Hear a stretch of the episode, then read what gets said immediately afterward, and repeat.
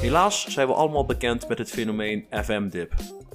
We hebben dit keer niet over je team dat in een dip terechtkomt, maar over de dip van de manager die er gewoon geen zin meer in heeft. Een vormdip van het team kan uiteraard wel zorgen voor een dip in de motivatie van de manager, maar die twee gaan niet noodzakelijkerwijs hand in hand. Dus de FM-dip voor jou als speler. Hoe gaan wij daarmee om?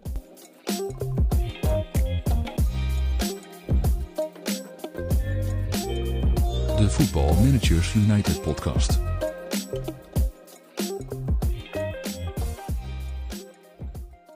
Hallo lieve luisteraars en welkom bij alweer een nieuwe aflevering van de Football Managers United podcast. Mijn naam is Guido en vandaag zijn Koen en Erik de Manolev en mislukte voorzet bij mijn bulderlach van Van der Gijp. Om maar een klassiekertje in te gooien. Of, of kennen Ja, ze dat in België denk- niet, eh, Van de Grijp? Ja, ja, ik kijk elke week. Oh, echt? dus, Oh nee, ik kan er niet meer aan. Ja, maar Ma- Manolev is wel eh, beroemd berucht, want die werd, dat was bijna online pesten wat, Ja, wat met, met die jongen op een gegeven moment Cyberbullying, gebeurde. inderdaad.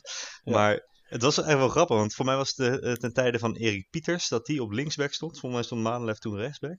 Maar eh, als je echt een beetje naar de statistieken keek, was het echt helemaal geen slechte, slechte rechtsback voor PSV. Het werd, eh, het werd gewoon echt een icoon voor Van der Grijp om maar gewoon lekker op te vitten. Eh, terwijl Ja, verder was het echt een prima, prima voetballer voor mij, als je gewoon een beetje wat, wat dieper ernaar keek. Klopt, alleen ja, het zag er wat lomp en onbehouden allemaal uit. En ja, als dan eens een keer een bal over de achterlijn zwa zwabberde, was het een makkelijke speler om af te Ja. zeiken. Want ja, hij zag er niet zo sierlijk uit en het, het was niet allemaal... Het was niet de meest technisch begaafde Nee, voetballer, maar, maar toen de tijd zeggen. is, de- zijn de meeste eh doelpunten tegen bij PSV via de rechterflank gekomen. Dus via Erik Pieters. Of althans, over Erik Pieters dan. En eh, niet eh, bij de kant van Malenlef. Dat vind ik ook niet zo heel gek, want Erik Pieters vond ik ook niet echt een geweldige back. Maar Goed. we, we dwalen Ja, af, inderdaad. nu al. Moet je bedenken, dit is de eerste aflevering van het nieuwe seizoen. We zijn nog geen twee minuten We hebben- bezig. We gaan zo naar we de zijn al afgedwaald. oh, bijvoorbeeld. Nee, dit, dit wordt wel een pareltje van een aflevering, jongens. Een soort van soul food voor je voetbalmanager ziel. We gaan, eh, we gaan bijna meta. Nee, ehm, de, eigen, eh, de, de eigen FM-dip. eh, de FM-dip van de manager, daar gaan we het over hebben. Maar we moeten uiteraard beginnen met onze eigen save games. En Erik, zou jij willen aftrappen met, met je update van jouw save? The stuff that teenage dreams are made of. Hello, hello, here we go. Onze eigen saves. Ja, dat zal ik doen. Ehm, ik ga dan wel eh, een update geven van eh, de save waar ik de eerste keer dat ik de gast was eh, over heb gesproken. Dus dat gaat dan weer over, over de club uit, uit Leuven. Eh OHL, zoals ze hier zeggen. Oh, Hagel. Yes, inderdaad. Ik heb die game weer opgepakt. Na een FM-dip, maar daar gaan we het straks nog, nog eventjes over hebben. Ehm, en ja, ik heb die game dus weer opgepakt. Eh, het eerste seizoen, dat had ik verteld, eh, was ik eh, verrassend genoeg gelijk kampioen geworden. En ja, het tweede seizoen, ehm, mijn team redelijk bij elkaar kunnen houden. De meeste huurspelers kon ik ook weer terugkrijgen. Behalve Benkovic, de sterke centrale verdediger. Die, die terugging naar Leicester en die kon ik niet opnieuw huren. Ehm, gelukkig kon ik in zijn plaats die Nederlandse verdediger huren eh, van Chelsea. Xavier. En Bouyamba. Oh, die heb ik ja, ook gehad in mijn team. Ja, ja ik, het, was, eh, het ging eigenlijk tussen hem eh, of, of Bogarde om te huren. Ja, en Biamba is echt een lekkere speler. Die heeft echt wel veel minuten Ja. gemaakt. Aan de andere Ja, kant inderdaad. van Bogarde weet je wel dat hij trouw is. Die blijft gewoon negen jaar terugkomen. Heel loyaal. Ja, maar hij wilde dus niet, eh, hij wilde niet naar Leuven komen. Dus, eh, dus is het Mboyamba geworden. En dan eh, ja, met Mboyamba achterin eh, stond het eigenlijk weer heel goed. Eh, tactiek werkte ook. Ehm, ik heb eh, iets meer gerouleerd, zodat ik het hele seizoen goed bleef spelen. De Champions League kwam daar natuurlijk ook bij. Dus dat zorgde er wel voor dat ik, dat ik stevig moest roleren. Om, om al mijn spelers een beetje fit te houden. Maar de resultaten waren echt, echt supergoed. Vertel.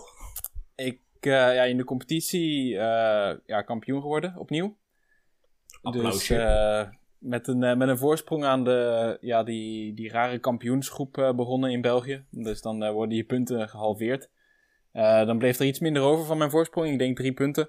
Ehm, maar eh, vervolgens, ik denk dat ik van de laatste zes wedstrijden in die kampioenspoelen heb ik er vijf gewonnen, eentje gelijk gespeeld. Dus eh, met overmacht eh, kampioen geworden.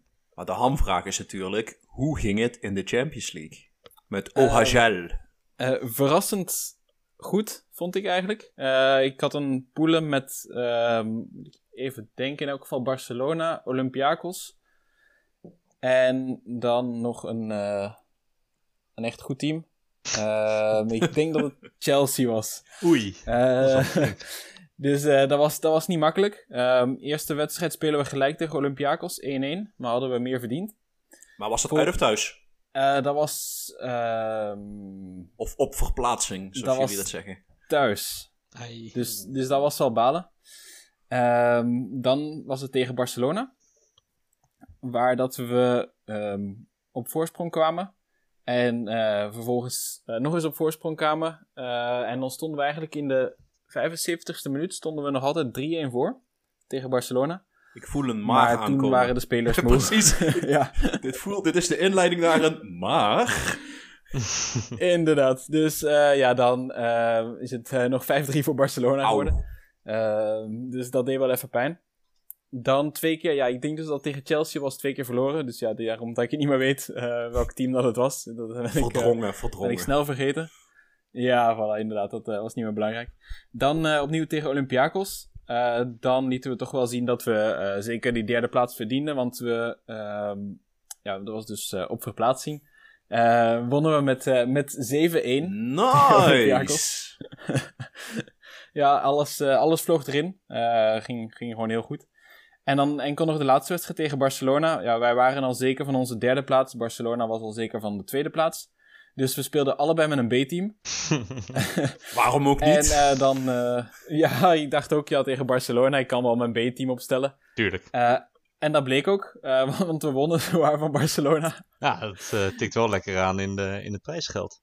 Inderdaad, dus dat was nog even mooi meegenomen, wat extra prijzen dus had. de les is eigenlijk, als je tegen Barcelona speelt, moet je je B-team opstellen. We hebben het hier gehoord van. Erik. Ja, inderdaad. Dat, ging, eh, dat ging prima. Dus ja, dan mochten we nog eh, als derde dus nog naar de, naar de Europa League. Nice. Eh, daar hadden we gelijk de loting tegen Real Sociedad, die het jaar daarvoor de Europa League gewonnen hadden. Dus dat was een beetje lastig. Ehm, dan, even kijken hoor, dus we speelden eh 1-1 gelijk in de eerste wedstrijd. Dat is een heel, dat was thuis. heel degelijk resultaat, Erik. Maar, hoe ging het uit? Eh, ja, je voelt weer een maar aankomen. Ehm, we kwamen eh, vrij snel achter ehm, met eh, 3-1. Oei. Eh, dus toen dacht ik ja, dat het wel een beetje voorbij was. Dus ik wisselde mijn twee beste spelers al om ze wat rust te gunnen voor de volgende competitiewedstrijden. Maar ja, blijkbaar werkt mijn, is mijn B-team gewoon beter dan mijn A-team. Want het werd nog 3-3. en gingen wij dus door op uitdoelpunten. Wat, wat zegt dit nou over, eh, zeg maar, of de kwaliteit van jouw B-team, of jouw inschattingsvermogen van wie je beste spelers zijn? ja, ik noem het gewoon gouden wissels. Oké. Dus, dus ook, weet je wat, laten we daar gewoon mee gaan. Het waren gouden wissels. Een winnende manager Ja. heeft altijd gelijk. Ja, Dat hebben we geleerd ik van. Louis van Dus, Gaal. eh, Zeker. ja. Maar tegen wie moest je toen? Dus ja. Tegen Red Bull Salzburg. Oeh, die zijn in mijn game al 30 seizoenen achter elkaar kampioen Ja, geworden. dat is een machine. Ja, niet normaal. Ja, ja dat eh, heb ik dus ook ondervonden. en, ja. ik had eh, mijn A-team opgesteld de eerste Ja, daar wedstrijd. ging het mis. Eh, en toen ging het mis, inderdaad. Dus ja, dan heb ik de tweede wedstrijd geprobeerd met mijn B-team. Ehm, maar dit keer ja, was, het, ehm, was het gewoon al, al voorbij. En ja, konden ze het niet meer goed maken. Speelde Dingetje nog bij Salzburg, Karim Adeyemi? Ja. En ook eh, die jongen die nu naar Liverpool is, denk ik. Eh Daka of zo. Patson Daka. Oh, is die, is die naar Ja. Liverpool? Oh, dat heb ik gemist. Is hij nu naar Liverpool? Het zou best kunnen. Eh, ik zal ook heel eerlijk zijn dat ik de transfermarkt niet helemaal bijgehouden heb. Nee, Karim Adeyemi vroeg ik omdat hij altijd tegen mij scoorde in... is naar Leicester City. Ah, oké, ja. Tot naar Engeland. Ja, Eh, eh, Liverpool, Leicester, het begint met een L, toch? En het komt het... ja inderdaad. Nee, ik, eh, Adeyemi vroeg ik omdat hij altijd tegen mij scoorde. Die, was, die is zo rete snel. Let op, Koen. Ehm, Ja, die, die altijd goed voor één of twee doelpunten tegen mij. Maar ik ga ervan uit dat hij jou ook pijn gedaan heeft. Eh, ja, inderdaad. Eh, zowel hij als, eh, als die Daka allebei eh, hebben ze me pijn Ah. gedaan. Dus ja, dan was het eh, Europese seizoen voorbij. Maar, ik, ik eh, denk dat je toch mag spreken van een eh, heel succesvolle Europese campagne. Als, Ja, absoluut. als, ik, als ik een hoed op had, dan zou ik hem voor je afnemen. Eh petje af. Maar ja, ik, ik heb geen petje. dus, eh, maar een virtueel petje af. Ja, ik, eh, ik zal het eh, voor mij verbeelden. en eh, Koen, ja eh, long time no see. De, de la- ik moest even denken wat de laatste keer. Eh, eh, wat ik de laatste keer heb gezegd in de podcast over mijn game. En volgens mij, als ik het goed heb, maar rectificaties zijn eh, welkom. Is dat het jaar n- t- eh, 2038 dat ik op de, de vooravond stond van het WK met Argentinië. En inmiddels ben ik vier seizoenen verder.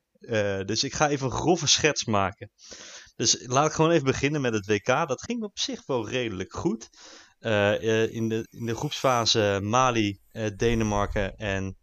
Oh nee, Mali en Denemarken heb ik toen verslagen. zeg, zeg maar drie, Ja, drie heb- teams in de, in de pool ja, nou. drie teams.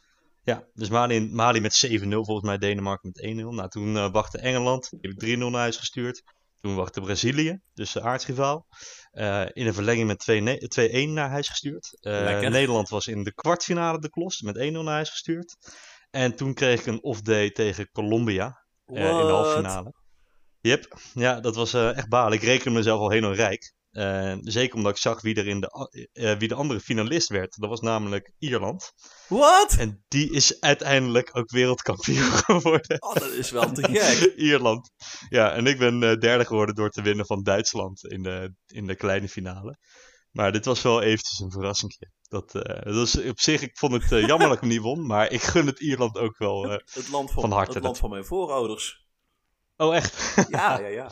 Nou, ehm, nou, wat ik zei, vier seizoenen verder. Eh, dus eh, dat betekent inmiddels ook eh, vier Bundesliga-titels verder. Inmiddels wel echt een, gewoon een grootmacht in de Bundesliga die niet te verslaan is. Maar dat geldt eigenlijk ook wel een beetje voor Bayern München. Dus de competitie is nog steeds wel spannend, omdat het altijd tussen Bayern en 68 gaat. En heel soms mengt Leipzig daar, zich daar ook nog eventjes in. Maar tot nu toe lukt het me wel om daar elke keer bovenuit te komen. Maar ik moet wel zeggen, ja, omdat zo goed, mijn team al zo goed is, eh, gebruik ik eigenlijk bijna alleen maar instant result in de competitie. Snap ik. Eh, op, een, op een paar wedstrijden na. eh, die ik gewoon eventjes wil spelen. Omdat het uit tegen Borussia Mönchengladbach bijvoorbeeld. Zulke wedstrijden verlies ik altijd. Maar inmiddels zit ik in een soort flow waarin als ik instant result gebruik, ik win. En als ik het zelf speel, dat het dan fout gaat. dus ik weet niet wat dat zegt. Maar goed, ik, ja, het, geef ook echt geld uit als water. Dus als ik een, een, een, team, een nummer 10 verkoop voor 150 miljoen, nou, dan komt er ook gewoon eentje terug voor 150 miljoen. Dat is... eh, eh, dat gebeurt aan de lopende band. Dus ja, ik gebruik eigenlijk niet zo heel veel jeugdspelers meer. Het is nu echt gewoon eh, snelle halen, snel, of eh, lange halen, snel thuis eh, geworden. Eh, maar dat is allemaal met als doel, want die event-dips, om maar even een bruggetje te maken, die komt er een beetje aan. Omdat mijn uitdaging natuurlijk wegvalt. Maar eh, ik wil gewoon graag dat nieuwe stadion met mijn naam erop. Ah, zeker. Dan moet je En dat, dat geeft dat, dat, nou, dat ben ik, maar dat geeft dat bestuur me maar gewoon niet. Die wil maar gewoon geen nieuw stadion bouwen. Het stadion komt in 2025 volgens mij. Dus eh, ik, ja, ik zit nu in 42. En voor mij was de vuistregel dat hij 25 jaar oud moet zijn. Nou, dan moet ik nog wel even door. Eh, dus vandaar ook dat constante instant result, zeg maar. Ik, ik snap, Maar goed, dat is nog steeds mijn doel. ik snap het wel. De Koen Arena, dat, dat, dat klinkt wel. Ja, nou, ik heb een alter ego en dat is dan eh, Sebastian Weiss, heet mijn eh, alter ego. Dus dan wordt het de Sebastian Weiss Maar Arena. mag je dat tegenwoordig nog... Mag je tegenwoordig eens nog iets de Wise Arena noemen in deze tijden? Weiss. ja, dat wordt gevaarlijk. Ja, eh, daar gaan we niet over uitlaten. Maar, eh, nou goed. De, ehm, de beker heb ik in de afgelopen vier seizoenen twee keer gewonnen. Twee keer met zo'n off-day tegen een Mainz of een Stuttgart eruit. Dat is wel een beetje balen. Eh, dat ze gewoon even niet scherp zijn. Champions League kloot ik vorige podcast dat ik hier was eh, af als winnaar. Eh, nou, nu vier nieuwe finales natuurlijk. Waar de, de twee finales daarna eh, heb ik allebei verloren. Tegen Barça en Real. Dus dat was wel een beetje zuur. Tegen Barça ook wel echt onterecht. Dat was wel echt heel erg jammer. Dat, ja, dat, dat, daar was ik verreweg de betere. Het jaar daarna is Real weer de winnaar geworden, maar to- toen tegen Tottenham, toen was ik er- eerder al voor mij al in de eerste ronde Atletico Madrid voor mij uitgeschakeld. Dat ging toen helemaal niet. Eh, maar in het seizoen 41-42 eh, moest ik weer tegen Barcelona in de finale. En 1-0 voor, dus eh, ik reken mezelf al helemaal rijk. Maar toen stond ik in de 30 minuut 3-1 achter. Ehm, en toen wilde ik net ehm, mijn rechtsbuiten wisselen, Ablinger, omdat hij een draak van de wedstrijd speelde, ondanks dat hij wel de doelpunt had gemaakt. Maar op het moment dat ik hem wilde wisselen, scoorde hij. Dus dan liet je hem staan. Dus toen heb ik hem heb verstaan en toen scoorde hij ook nog eens de 3-3. en in de verlenging dacht ik, nou, die spits die bakt er eigenlijk ook helemaal gereed van. Die gelijk die eens wisselen. En op het moment dat ik dat dacht, schiet hij die 4-3 erin. Is, dus, en, en dat is de laatste wedstrijd die ik heb gespeeld. Eh, dus ik ben ja, gewoon als Champions League winnaar. Het is, het is wel genoeg om bijgelovig van te worden. Zeker. Zou, ja. zou je bijna zeggen, in de toekomstige wedstrijden ga ik iedere keer dreigen om een speler te wisselen. Ja, ja. Om te kijken wat hij doet. Gewoon dat minuutje alvast openen, weet je wel. Neer. Maar ja, goed, die, eh, die FM-dip die zit er wel aan te komen. Dus ik hoop eh, dat ik het... eh, ja, het wordt gewoon heel veel instant result eigenlijk een beetje. Ja, dat snap ik wel. Dan gooi je de tempo een beetje omhoog. Omdat je Ja. eigenlijk bezig bent met andere dingen dan die kleine wedstrijden.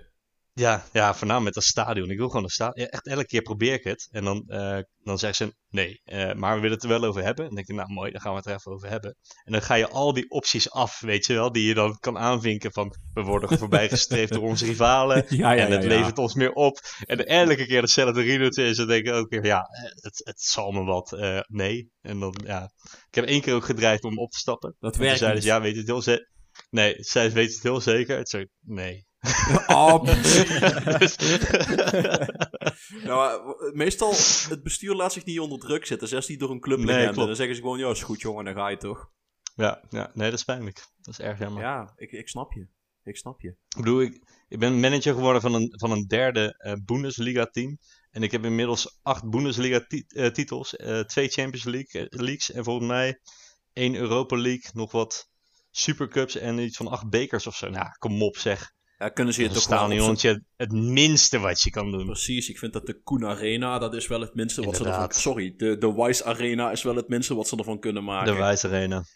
Zeker. Maar be- eh, eh, enige vraag die mij dan nog resteert is... Vind je ook dat je je met recht de club van de stad kunt noemen? Ja, op dit moment wel, ja. Want eh, ja, Bayern is al gewoon vier jaar achter elkaar geen kampioen geworden. En heeft in de Champions League echt niks te zoeken. Ze waren zelfs, ik zei wel dat ze ook heel erg oppermachtig waren, maar ze waren vorig seizoen niet eens in de Champions League gekomen. Auw. Ja, toen zijn ze vijfde geëindigd. Toen hebben ze echt een gigantische dip op het einde gekregen. Maar deel je het stadion wel nog met Bayern? Nee, maar dat is al in het echte leven ook niet meer zo. Oh. Die eh, Allianz Arena, want ze zitten nu gewoon weer in de Grunwalder Strasse. Ah. Ehm, een oude stadion, omdat ze de huur niet meer konden betalen. ja. Hey, Ja, ik, en daardoor zijn ze dus ook helemaal teruggezet naar zelfs onder die derde Bundesliga.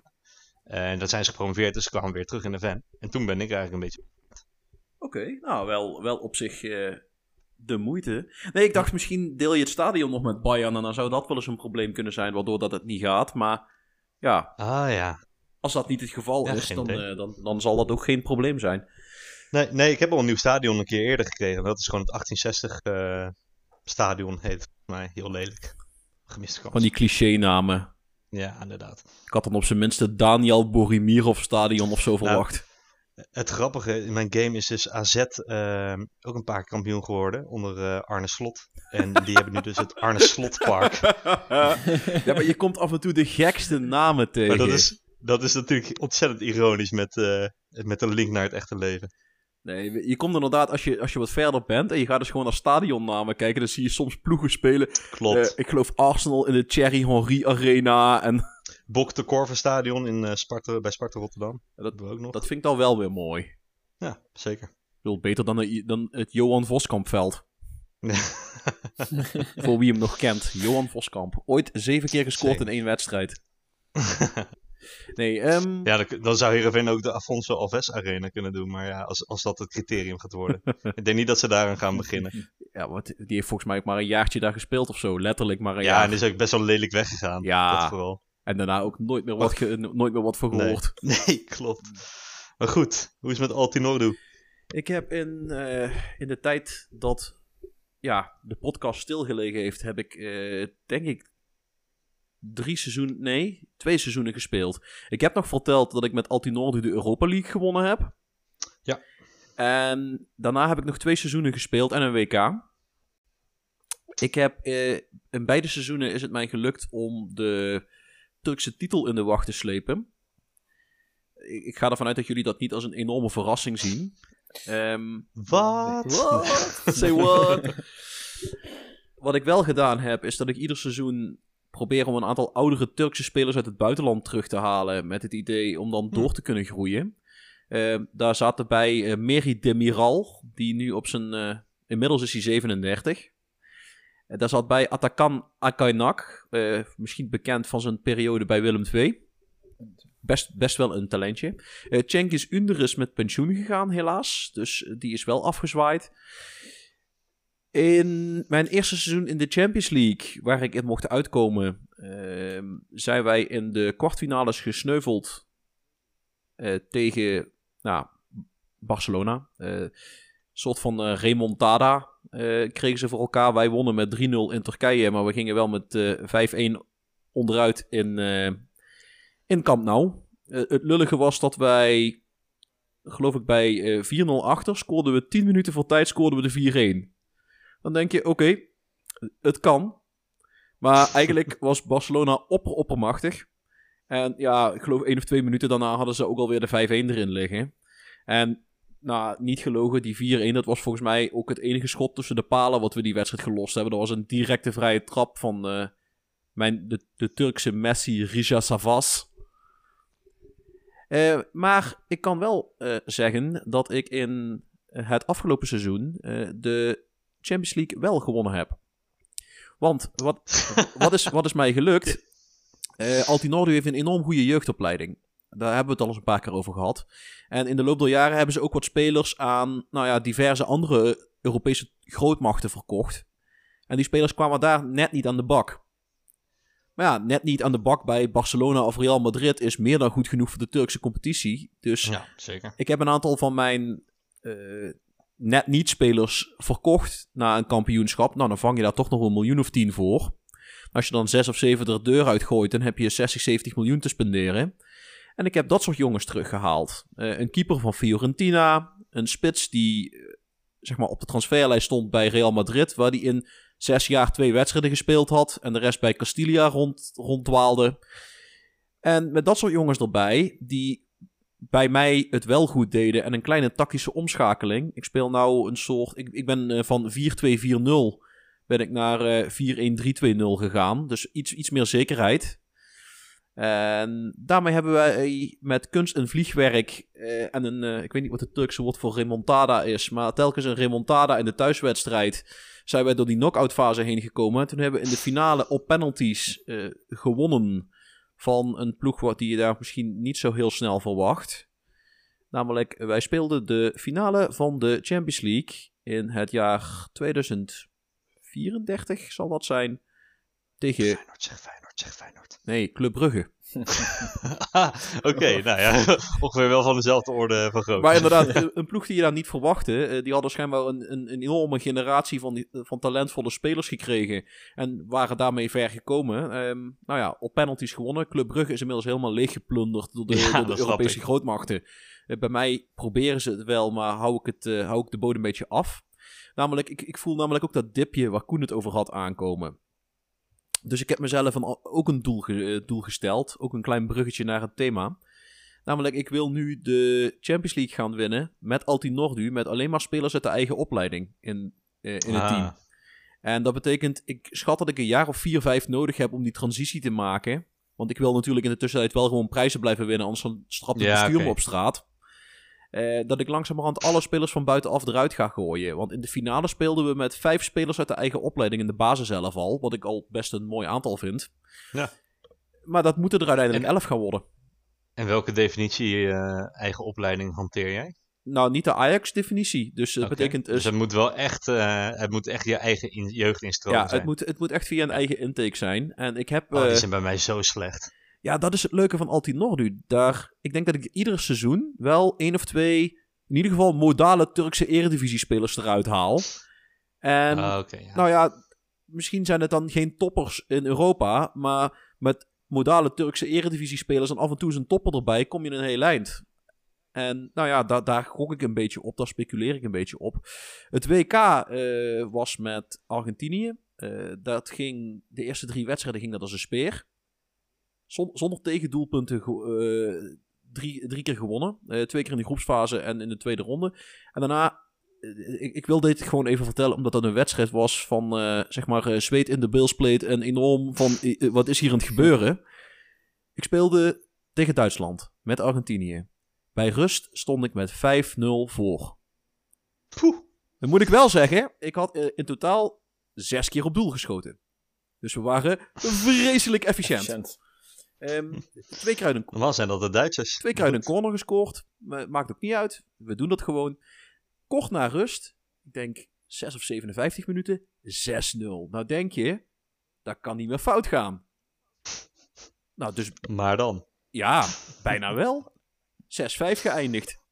Gewoon 6, 6-5. En dat je dan echt steeds meer denkt, oké, ja, dat kan niet fouten. Oké, misschien Ja, toch wel. Oké, oké. Want zij soort- scoorden in de 62e, 64e en 66e minuut. Dat je denkt, hey, dit, dit gaat niet helemaal goed. Eh, dan ga je een paar keer wisselen. Dan, denk je, een paar fitte jongens, 5-3, niks in het handje. Of sorry, eh, ze- zes- 6-3, niks in het handje. Kwartier van tijd, 6-4. Nog steeds niks in het handje. 10 minuten van tijd, 6-5. En dan kan ik je wel vertellen, dan ga je die laatste 10 minuten, ga je, je, je weet ook niet meer wat je moet doen. Nee, klopt. Ook bij 6-3 ben ik gewoon blijven spelen zoals we speelden. Want ik denk, ja, ik heb zes keer gescoord op deze manier. Ik zal toch wel iets goed gedaan hebben. En we hebben ook nog wel kansjes gekregen. Alleen, nou zaten ze er niet in. En Duitsland had nou wat ik in de eerste helft had. Elk schot tussen de palen was ook een goal. Maar dan in die laatste 10 minuten.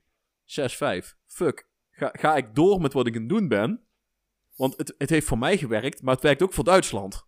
Of En 10 minuten is dan ook echt lang nog. ja, want eh, ga, ga, je dan nog, ga je dan nog ingraven?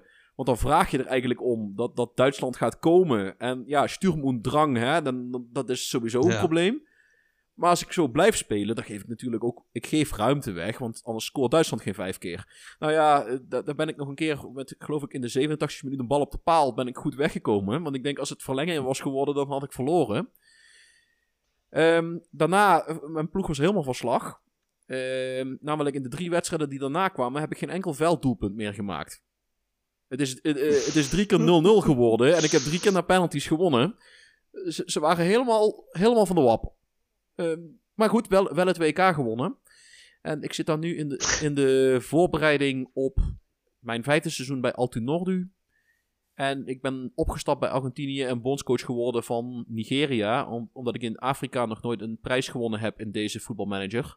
En ik wil ook eh, de African Cup of Nations een keer winnen. Ik heb die van Noord-Amerika, ik heb die van Zuid-Amerika, ik heb die van Europa. Als ik die van Afrika heb, kijk ik wel of ik Azië ook nog een keer meepak. Dan heb ik een soort van, eh, soort van Pentagon gedaan, maar dan met internationale teams. Dat, dat, is, dat, is, ook, dat is ook leuk, toch? Zeker. Ja. Dat is ook netjes. Oh, Maar goed, staat toch mooi op de Eh, cv. dat bedoel ik, dat bedoel ik. Ehm, maar dat was, dus, eh, dat was dus mijn save game tot nu toe. En ik denk dat we van daaruit een, eh, een paar mooie bruggetjes al geslagen hebben naar het thema van de week. Namelijk de FM-dip. It's just the most extraordinary scenario you could have dreamt of. The unthinkable unfolds before our eyes. Het thema van de week. Ja, we hebben het eigenlijk al eens kort aangegeven. Als je wat langer bezig bent, dan wordt het gewoon minder leuk. Want je hebt eigenlijk alles al bereikt. Je hebt alles al gewonnen. Dus je gaat voor jezelf ga je, ga je nieuwe doelen zetten. Eh, dat kan zijn de Champions League winnen met een volledig eigen jeugdopleiding. Dat kan zijn je gaat voor een nieuw stadion. Eh, in jouw geval zou dat misschien zijn, Erik. eh, ik ga een keer voor de Champions League met OHL. Ik probeer de naam goed uit te spreken. Ja, netjes.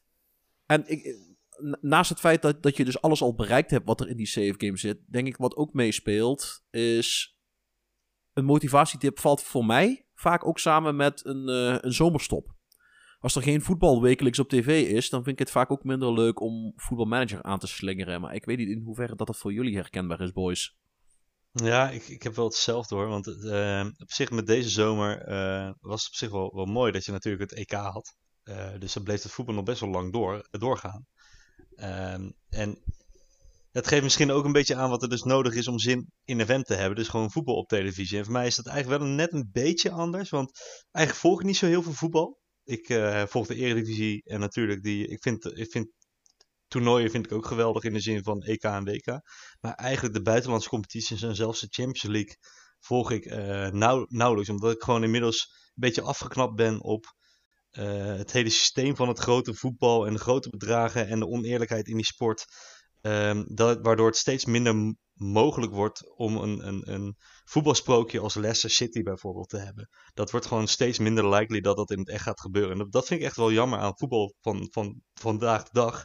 En dat is misschien ook de reden waarom ik eh, voetbalmanager eigenlijk zo leuk vind. Omdat je daarbij je eigen sprookje kan creëren. Zeg Je maar. kunt, je kunt die status quo nog een keer doorbreken. Want Ja, normaal, Inderdaad. normaal gesproken kun je bij de start van de nieuwe Champions League... en als de lotingen voor de groepsfases bekend zijn... kun je, nou ja, op een enkele verrassing na... kun je eigenlijk alle ploegen in de volgende ronde al van Ja. tevoren voorspellen. Ja, en dus de enige manier om eh, aan te haken bij die top is er of moeilijk veel geld in te pompen. Eh, dus een hele rijke sheik te vinden. Of gewoon vijf jaar lang boven je kunnen te presteren. En dan hopen dat je niet wordt leeggekocht. en dat, ja, ik vind het zelf heel erg jammer. Maar dat, ja, goed, eh, voor mij dwaal ik nu heel erg af weer van de vraag. Maar goed. Het is wel een terugkerend thema. Dus in, in zekere zin is dat, is dat ook een thema, afdwalen. Ja, nee, dat zeker.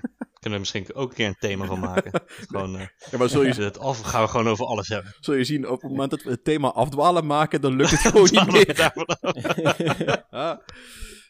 Nee, een, een, ander, een ander dingetje wat ik voor mezelf merk, ehm, wat ik lastig vind, is op het moment dat alle echte spelers eruit beginnen te gaan.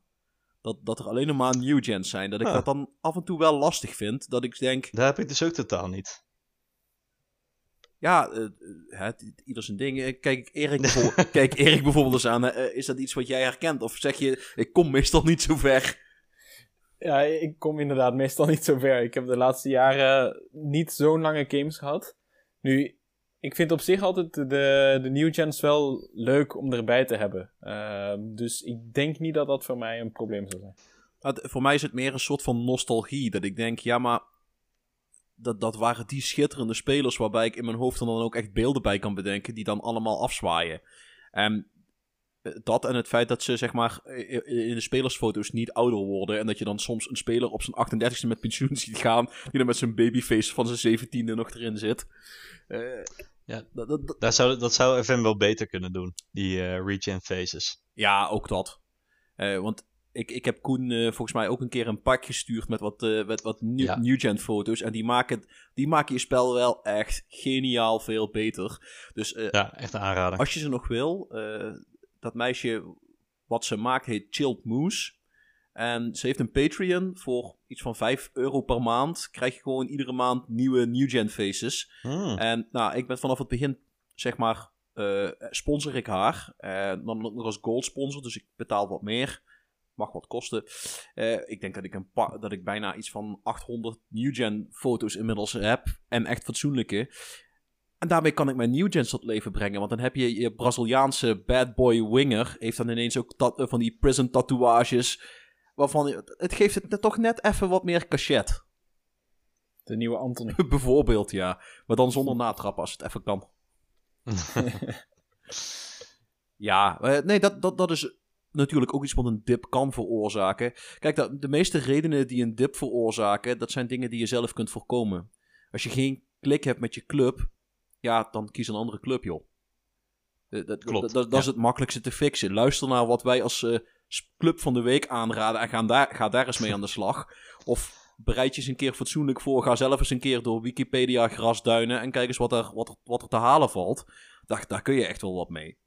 Ja, maar dan, moet dan, dan heb ik zelf wel dat ik dan wel een nieuwe game moet starten. Want eh, dan kan je inderdaad wat, wat meer affectie voor, dat, eh, voor die club creëren. Terwijl als ik nu zeg maar, ik heb, ik heb meer dan 20 seizoenen geïnvesteerd in 68. Nu naar een andere ploeg zou gaan. Ik had nog, zat nog even te denken aan Austria Wien.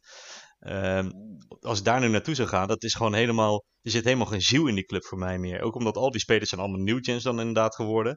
En dan, eh, dan moet ik echt tijd investeren weer om daar, een, eh, om daar wat op te bouwen. En dat, daar gaat een game ook nog wel eens op kapot. Want ik heb wel eens met die games gehad dat ik bijvoorbeeld met Feyenoord begon uiteindelijk alles had gewonnen. Eh, en dan ga je een, keertje naar Engeland omdat je dan wil, eh, wil- dan wil je in alle competities een prijs pakken. Dat was dan je plan. En eigenlijk stranden die games altijd in Italië op een, een of andere manier. Ja, maar de Italiaanse competitie is best lang. Het is niet een competitie waar je snel doorheen blaast.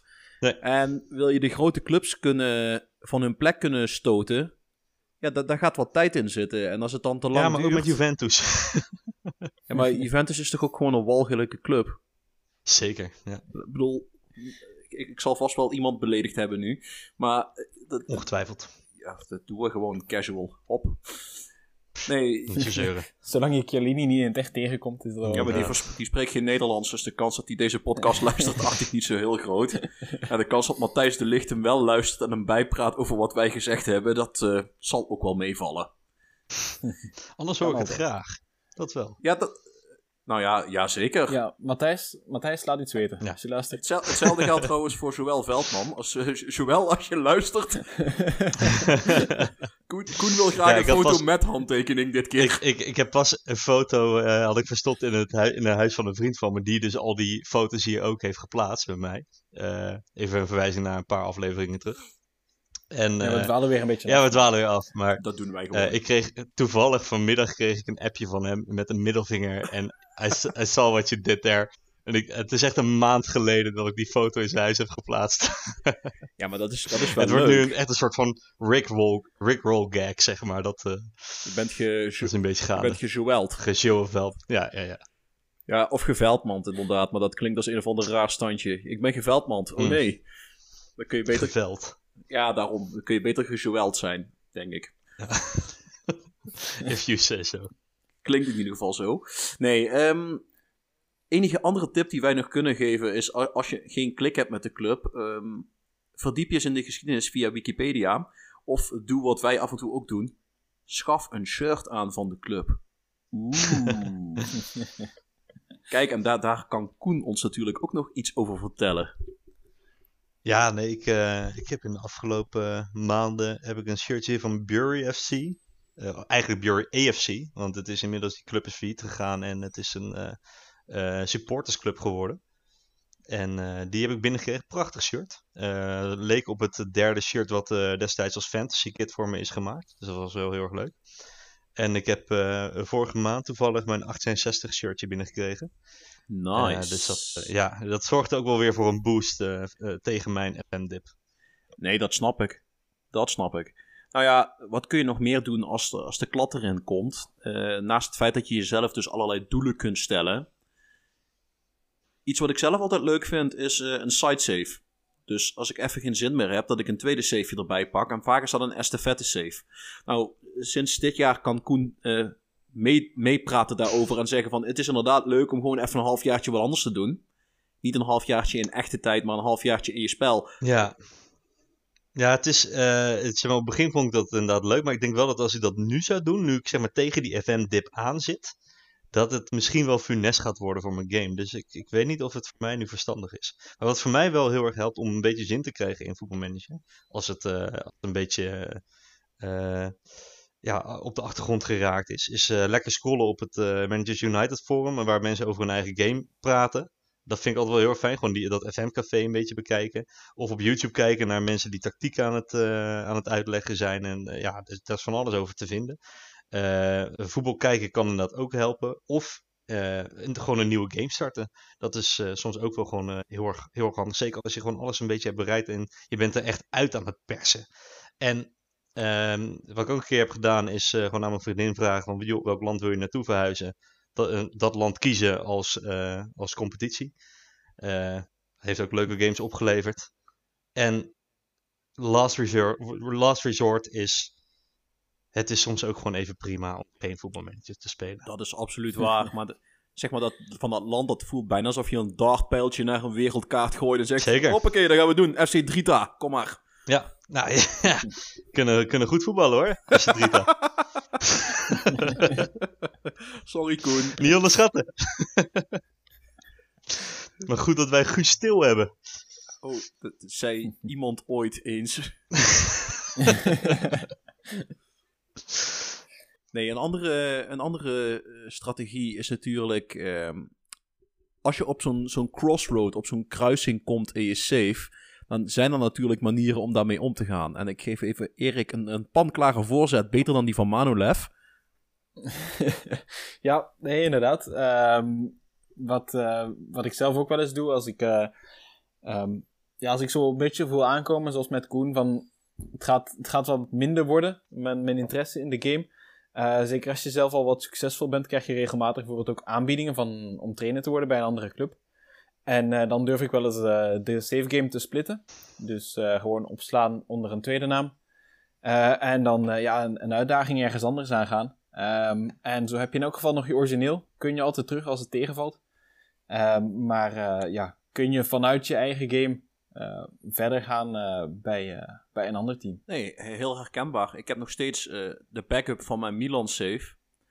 Eh, dus Hmm. ik ben daar weggegaan. Maar ik, ik heb wel de save gesplit. En gedenk, gedacht, als Altinordu nou echt niks wordt. Dan ga ik terug naar Milan. En dan ga ik een andere uitdaging zoeken. Maar het- ja, je geeft jezelf een, eh, een lifeline. Eh, een reddingslijntje. Een, een, een stok achter de deur. Het, het kan geen kwaad. We hebben het al eens eerder gehad ook over ja, New Gen Love die spelers die uit de eigen opleiding komen, dat die ook dat die voor jou gaan leven. Dat je ze met fotootjes wat meer leven kunt geven. en ja, dit, het hele jeugdontwikkelingsverhaal is een, eh, is een aflevering voor de toekomst. Daar gaan we in de toekomst wel nog eens wat uitgebreider in, eh, in lopen graven in dat onderwerp. Maar het is natuurlijk wel natuurlijk hartstikke mooi om te zien hoe zo'n manneke van 16 mag debuteren. En dat je hem dan probeert zijn hele carrière bij jou te houden. Als zo'n zo'n one club man. Een moderne Maldini of een moderne Totti. En dat, ik, ik heb eigenlijk moeite met meer one club man te verzinnen. Want die, is- dat is ook een uitstervend ras, hè? Ja, verwacht jij nu een voorzet van ons richting de Speler van de Week of is dat nog iets te vroeg? Eh, het is denk ik nog iets te vroeg, maar we kunnen hem, wel, we kunnen hem erin houden. We gaan hem Ja, nog eventjes bewaren over dan. over eh. One Clubman gesproken, die wil je natuurlijk een testimonial geven. Ja, Eh, bij mij werkt dat totaal niet, die, eh, die optie. Ik begrijp er helemaal niks van, maar ik kan hem niet aanvinken. En mijn eh, keeper, die inmiddels 15 jaar voor de club heeft gespeeld en met pensioen gaat, eh, ja, die wil ik gewoon graag een mooie afzet geven. Nou, hij kreeg de laatste competitiewedstrijd tegen Bayern, die we met 1-0 verloren. Dus eh, ik wil hem graag ook nog een wedstrijdje geven. Maar het lukte me niet. nou ja, Ik weet niet of er een bug in zit, maar normaal gesproken niet. Hm. Nee, want ik, ja, het is, eh, eh, hij, hij heeft de meeste wedstrijden ooit gespeeld voor 68, 420. Ehm, en wat ik al zeg, hij zit al 15 jaar bij de club volgens mij. ja, Dus dat zou genoeg moeten zijn. leuk verhaal. Ik heb wel ooit eens een keer mijn eh, derde keeper een testimonial gegeven. En die jongen, Nice. die jongen heeft gewoon eh 14 jaar geen enkele wedstrijd gespeeld. Oh, maar dat is ook knap. Ik heb altijd wel een keer mijn derde keeper nodig in 14 jaar. Nooit. Nooit. Maar Was toevallig geblesseerd toen. nee, nog niet eens. Want meestal is de tweede keeper er dan gewoon bij. Ik heb nog nooit gehad dat, dat ik twee keepers tegelijkertijd miste. Dus die Oh. jongen heeft nooit gevoetbald. Maar eh, ja, hij zal wel goed voor de sfeer zijn geweest. En het was geen slechte keeper en het was eigen jeugd. Dus hij telde in de Champions League mee voor die homegrown quota. Dus ja, dan hou je hem er maar gewoon bij.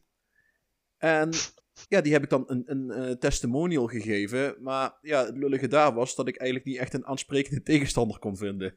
Oh ja. Dus het- het- het- toen was de testimonial, was dan geloof ik een, eh, een stadsderby. Maar mijn, zeg maar, stadsrivaal, die kwam een divisie lager uit. Dus dat was Nee. eigenlijk ook alweer een beetje lullig dan.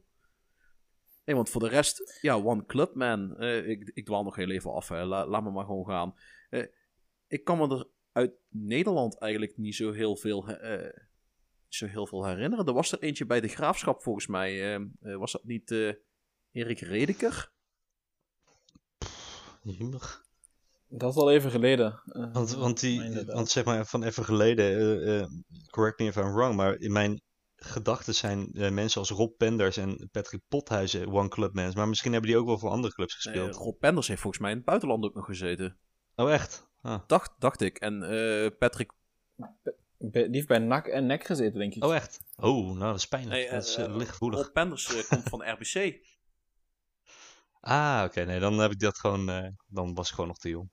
Ja, maar ja, aan de andere kant, eh, ik, ik zou, het zou mij verbazen als iedereen zich RKC nog kan, of eh, sorry, RBC kan herinneren. RBC, ja. Want die bestaat. Ik kan me nog wel, ik kan me wel Dat die ene, speler, wel, die ene speler herinneren die koud in het veld kwam, een gele kaart kreeg. Eh, toen de scheidsrechter eh uitschold voor eh eh, Mogol, of in ieder geval iets met een Down-syndroom zei. En toen direct zijn tweede gele kaart kreeg. Of misschien zelfs direct rood, dat weet ik niet eens meer. Maar dat was echt, dat was ook een prachtig interview achteraf. Oh shit. Moet je maar eens opzoeken op YouTube. Jazeker. Oh, die jongen van de graafschap was trouwens Jan Vreeman. Ah, ja. Ik, ik, ik ben nou wel zo aardig geweest om hem even te googlen. En dan, eh, als je dan kijkt naar wat zijn One Club Man, ja, daar, daar zitten uiteraard de pareltjes als de, de Carragers en de Gigs erbij. Maar, Totti. en Totti inderdaad, maar ook een hoop ma- mensen waarvan je denkt, ja, wat moeten we hiermee? Ja, ja, ja. Ja, van Totti vind ik het wel echt, zeg maar, heel erg eh, eh, chic. Omdat hij natuurlijk wel gewoon echt een, stap hoger op kon. Zeg maar, zo'n Maldini, ja, die zat op dat moment wel gewoon echt bij de beste club van Europa, zo'n beetje. ja, nee, dat, dat, het is inderdaad makkelijk om een One Club Man te zijn als je speelt bij een ploeg die, ja, Ja. Oppermachtig is en alles wint. Maar het is inderdaad een stukje lastiger om een One Club Man te worden bij, ja, een middenmotor. Eh, Ik zie er hier trouwens nog eentje staan. Ligt eraan hoe goed dat je kunt voetballen natuurlijk. Hè? Want ja, voor een Jan Vreeman is het ook niet zo makkelijk om van de graafschap een stapje hoger op te gaan. Ja, ik zie er hier nog eentje uit Nederland. Van Telstar. Frank, God. Frank Korpershoek. Ja, het Die is vorig paar, jaar pas gestopt. Ja. weet wel de pareltjes eruit te halen. Ja, maar die heeft dus een hele, hele carrière lang eh, 341 keer gevoetbald voor Telstar. En, en nooit gedacht, laat ik eens ergens anders naartoe gaan. Die heeft ook een testimonial gehad volgens mij. Dat zou best kunnen, ja. Ja, Tegen AZ, denk ik. Hij had langer dan tien jaar voor Telstar gespeeld, dus dat kan dan. Ja, Ja. eh, want als ik kijk naar, naar grote namen die nog steeds one club man zijn, ja, dan zijn het toch mensen die bij echt topploegen spelen. Eh, Sergio Busquets, eh, Thomas, Maar- Thomas Müller, eh Koke, Iker Muniain. Ja, en daarna, Ja. daarna kom je toch bij ja, Sergio Roberto en daarna kom je toch echt uit bij ja, de mindere goden. Ja, is dan toch zonde, toch zonde als zo'n Iniesta dan toch nog eventjes vertrekt van, vanuit Barça. Ja. Naar zo'n... eh, En, en ja, is hij direct naar Japan gegaan? Dat weet ik eigenlijk niet eens. Jawel, volgens mij wel. En het, het doodzonde is natuurlijk ook dat, omdat hij naar Japan gegaan is, dat hij verdwijnt uit voetbalmanager. Ja. Want Ja, al- ja, dat, is, dat is trouwens ook nog iets wat we in de toekomst eens een keer willen doen. Een hele aflevering alleen aan die Japanse competitie besteden. Eh, oh. Tenminste, lijkt mij leuk. Leuk. Ja, zeker. Maar wat ik altijd zonde vind, is dat spelers die naar Japan vertrekken, die verdwijnen uit het spel. Die zitten wel nog in de database van voetbalmanager, maar die wordt, ja, op de een of andere manier weten ze dat te blokkeren en krijg, krijg je ze gewoon niet meer erbij.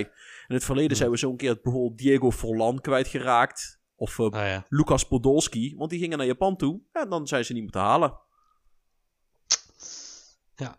Terwijl ik denk, nou ja, het zijn, het zijn geen kinderachtige voetballertjes, dus het zijn toch jongens die je op zich nog wel eens een keer wil halen, omdat ze als motivator of als mentor eh, een meerwaarde hebben voor je mannen.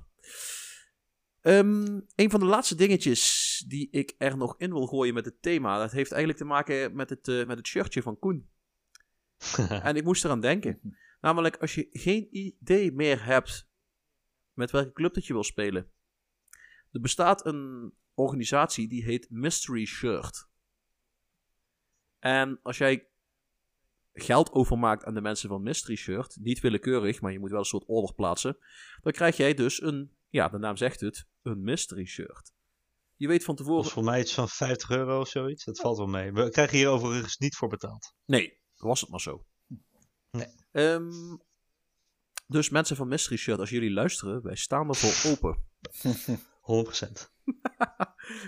We, we- we- we accepteren zelfs een betaling in Mystery Shirt. Ja, op zich. Doen wij En dan maken we daar een hele aflevering absoluut doen wij niet moeilijk over.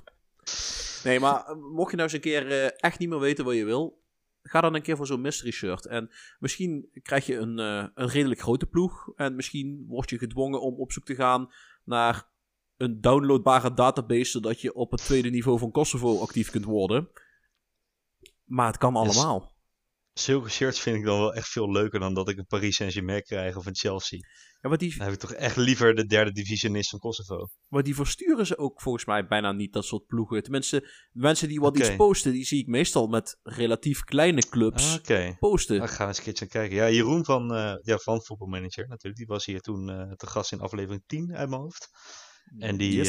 eh, die, die had dat ook gedaan me. Die kreeg toen Udinese.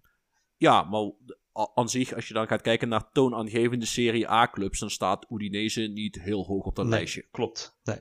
nee, dus dat is inderdaad wel leuk. En in, de, Maar inderdaad een, eh, een goede tip. ja, en in die Facebookgroep van Managers United eh, zie je dus inderdaad ook regelmatig dat mensen mystery shirt aanschaffen. En ik ben er eigenlijk nog nooit een, een grote club tegengekomen van ik denk, eh, saai. Ik had zelf ook wel kunnen bedenken dat ik Ah, met ja. die ploeg had kunnen gaan spelen. Ja. Dus ja, het, het, Ja, heeft wel wat. En je hebt ook, je hebt ook op een andere site, ik weet even niet aan mijn hoofd welke, maar dat is een Engelstalige eh, voetbalmanager site.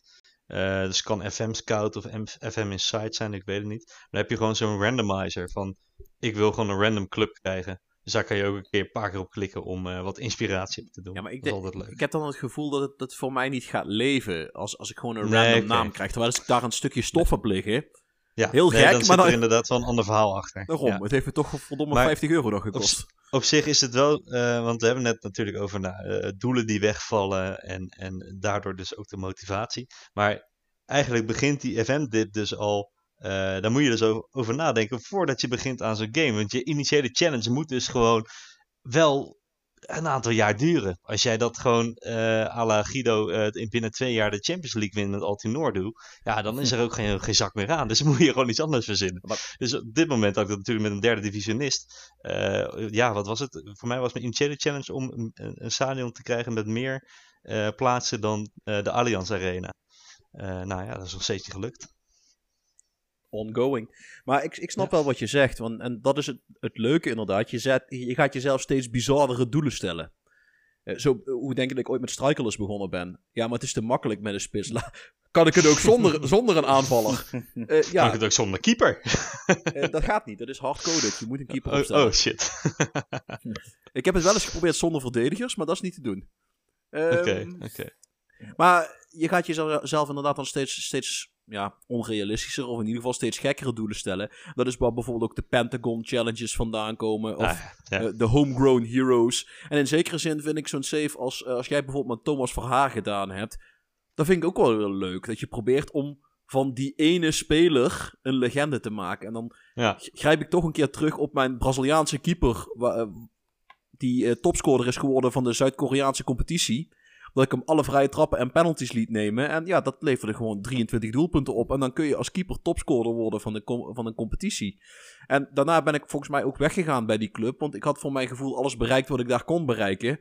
Ik had de keeper topscorer gemaakt. Nou ja, Ja. beter dan dat wordt het niet meer. Nee, inderdaad. Ik kan geen Champions League tegenop. Ja, maar dat is de Aziatische Champions League. Die had ik al dit Ja, keer gewonnen. Oké. Wat trouwens ook relatief makkelijk is, omdat de Japanse clubs geen, geen kloten voorstellen en de Chinese clubs maar vier buitenlanders mogen opstellen. Dat is, dat is dan kei leuk als je je duur betaalde Europese en Zuid-Amerikaanse verdettes hebt. Maar als je daaromheen nog eens zes of zeven koekenbakkers hebt lopen die gewoon amper de bal naar Ja. iemand met de juiste kleur t-shirt gespeeld krijgen, ja, dan kom je niet heel ver. nee. Maar goed, ehm, volgens mij hebben wij daarmee het thema eigenlijk wel op een hele mooie manier besproken zo. Voor een, eh, voor een eerste aflevering, zo net uit de, uit de zomerstop, vind ik dat we er fris bij zitten, jongens. Ja, goed, goed uitgerust. hè? Ja, ik ben eigenlijk back af van mijn vakantie. Ik- maar ik wou eh, zeggen, ik ben dat- blij dat het zo, dat zo oogt. Go- Goed uitgerust, dat valt ook wel mee. We, zijn, eh, we hebben een verbouwing afgerond. We moeten nou alleen nog de pui geleverd krijgen. Dus ik kan, kan vrij veilig zeggen dat ik met van alles bezig geweest ben. Dus echt uitgerust? Nee. Maar ik heb wel het idee dat we, de- dat we fris zijn. Dat we de batterij hebben opgeladen en dat we er weer zin in hebben voor een nieuw seizoen. Kijk.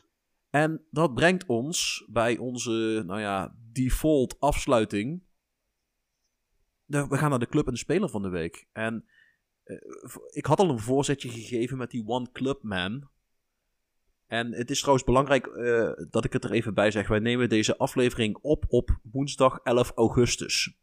Eh, waarom? Fabian gaat binnenkort op vakantie. En dat valt samen met de start van ons nieuwe seizoen. Dus tegen die tijd moeten onze afleveringen al opgenomen zijn. Dus het kan zijn dat sommige data en gegevens die wij noemen niet meer accuraat zijn. Maar de speler die onze speler van de week is, en dat gaat dadelijk ingekopt worden door een van mijn secondanten, is een speler die niet uit het nieuws is weg te slaan. Heren, What is going on here?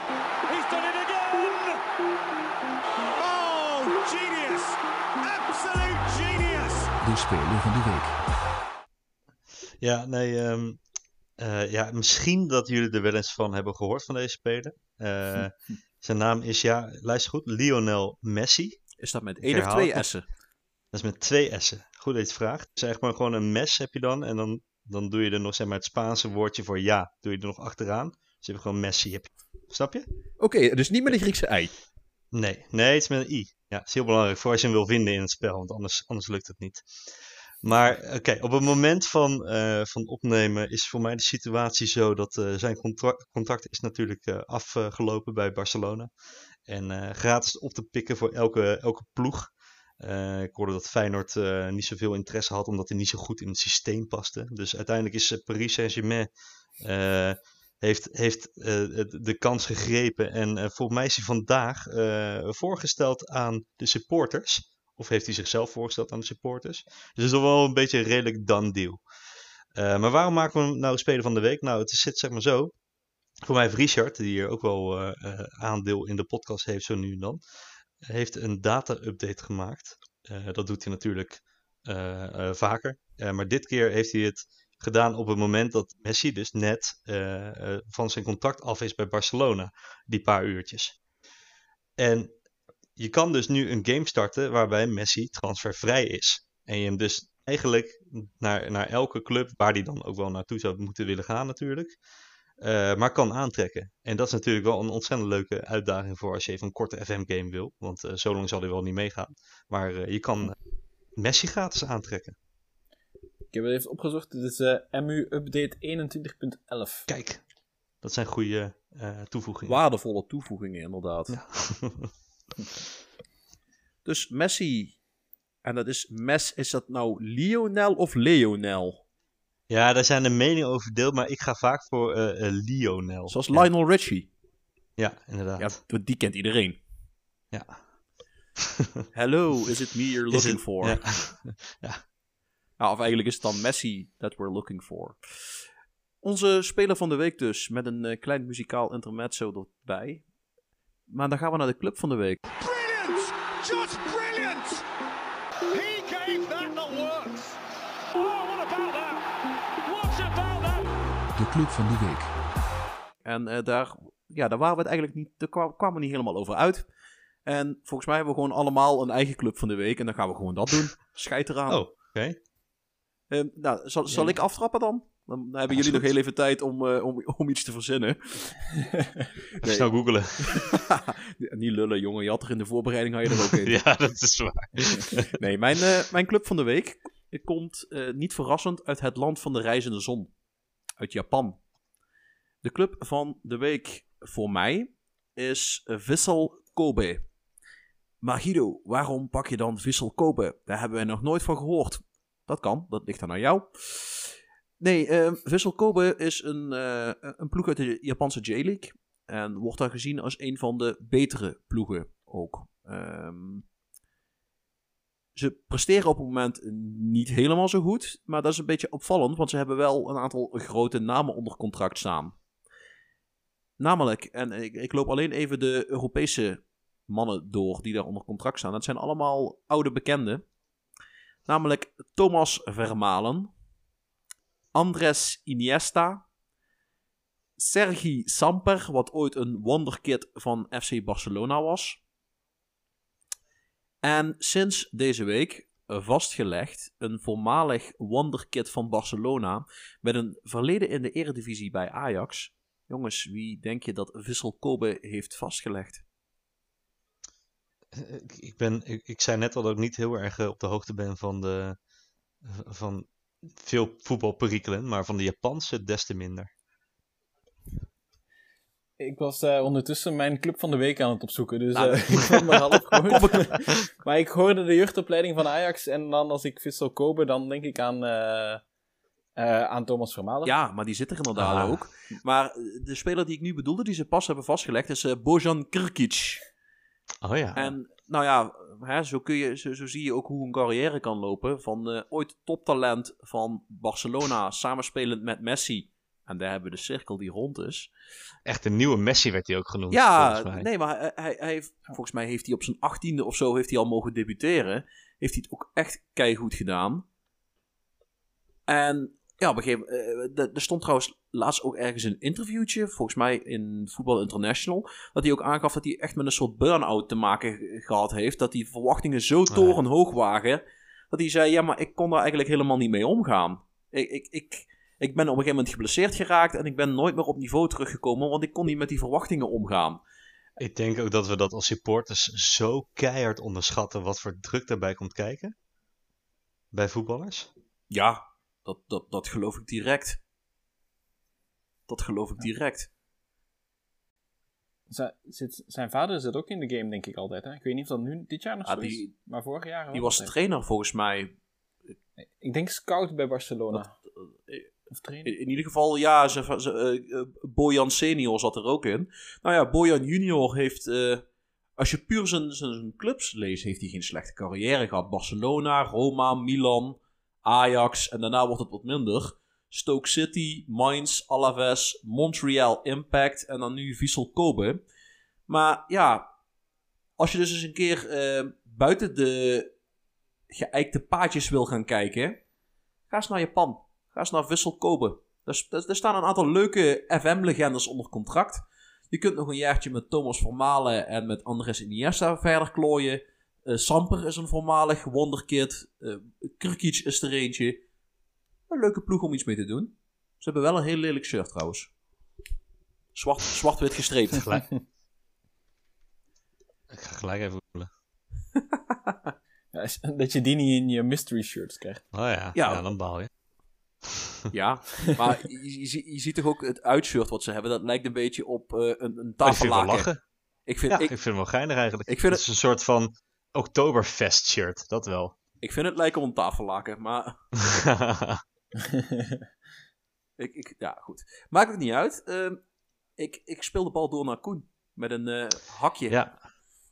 Ja, ik, eh, ik heb weer een, een, een, club die, waar, waar waarschijnlijk niemand van heeft gehoord. Maar het heet eh, AZ Alkmaar. Oké, nou, goed, cut the crap. Eh, waar, ja, waarom AZ?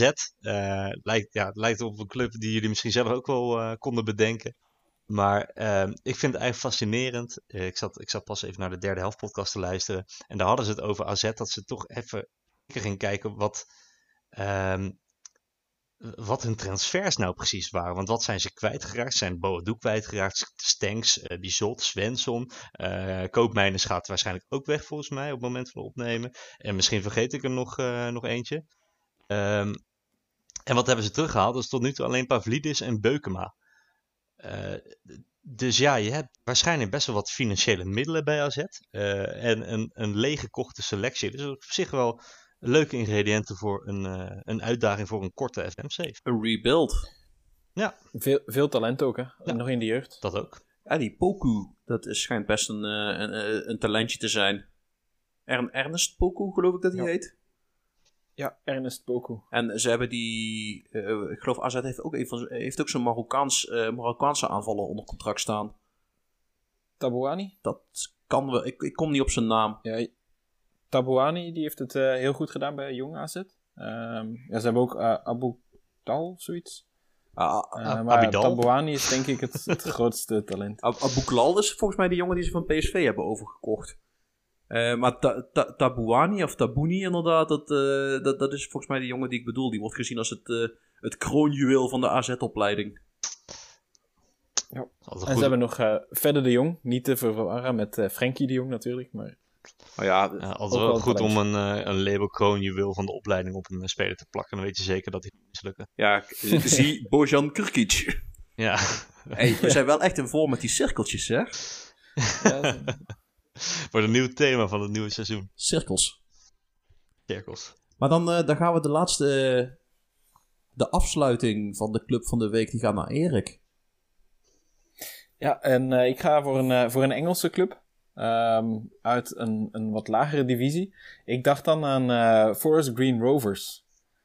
Oké. Dat is een, Ja, daar heb ik een van gehoord. Ja, ja, inderdaad. Daar zit een speciaal verhaal achter. Ehm, dat is ook de reden natuurlijk dat, het, eh, dat ze ook eh, club van de week zijn. Ehm die spelen op dit moment in de League 2 in Engeland. En die hebben een eh, vrij bijzondere eigenaar, Dale Vince. En eh, die heeft, even kijken, in 2015 ervoor gezorgd dat Forest Green Rovers de first vegan football club in the world eh, is geworden. Dus eh, daar hebben ze geen, eh, geen hamburgertentjes eh, of iets dergelijks, eh, maar echt enkel eh, vegan eten. Eh, ze willen ook eh, volledig ehm, ehm, ja, CO2-neutraal zijn als voetbalclub. Ehm, dus ook qua alles met groene stroom. Ehm, ze gaan daar, gaan daar zeer ver in. Eh, dus ja, echt een, een volledig groene club.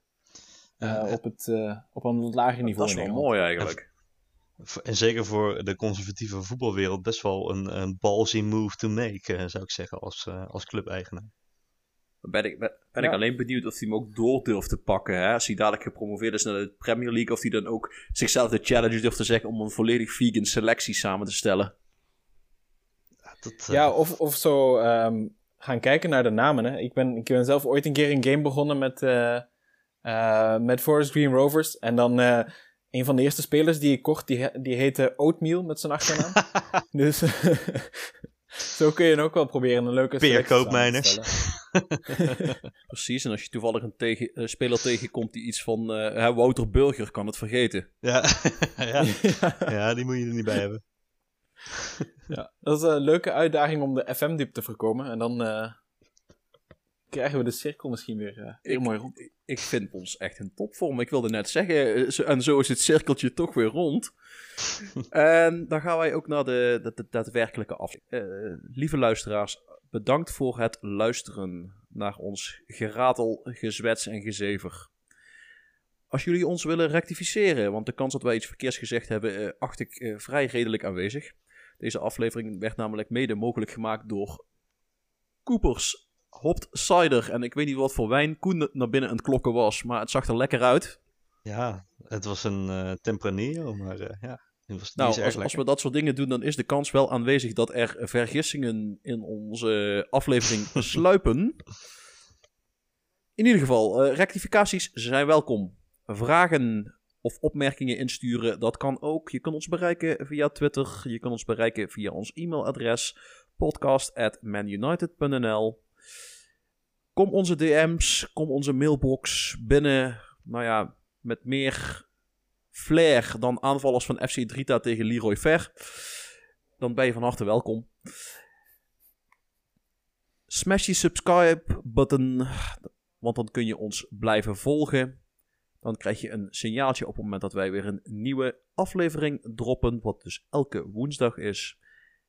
Nogmaals bedankt voor het luisteren en tot de volgende week. De Voetbal Managers United podcast.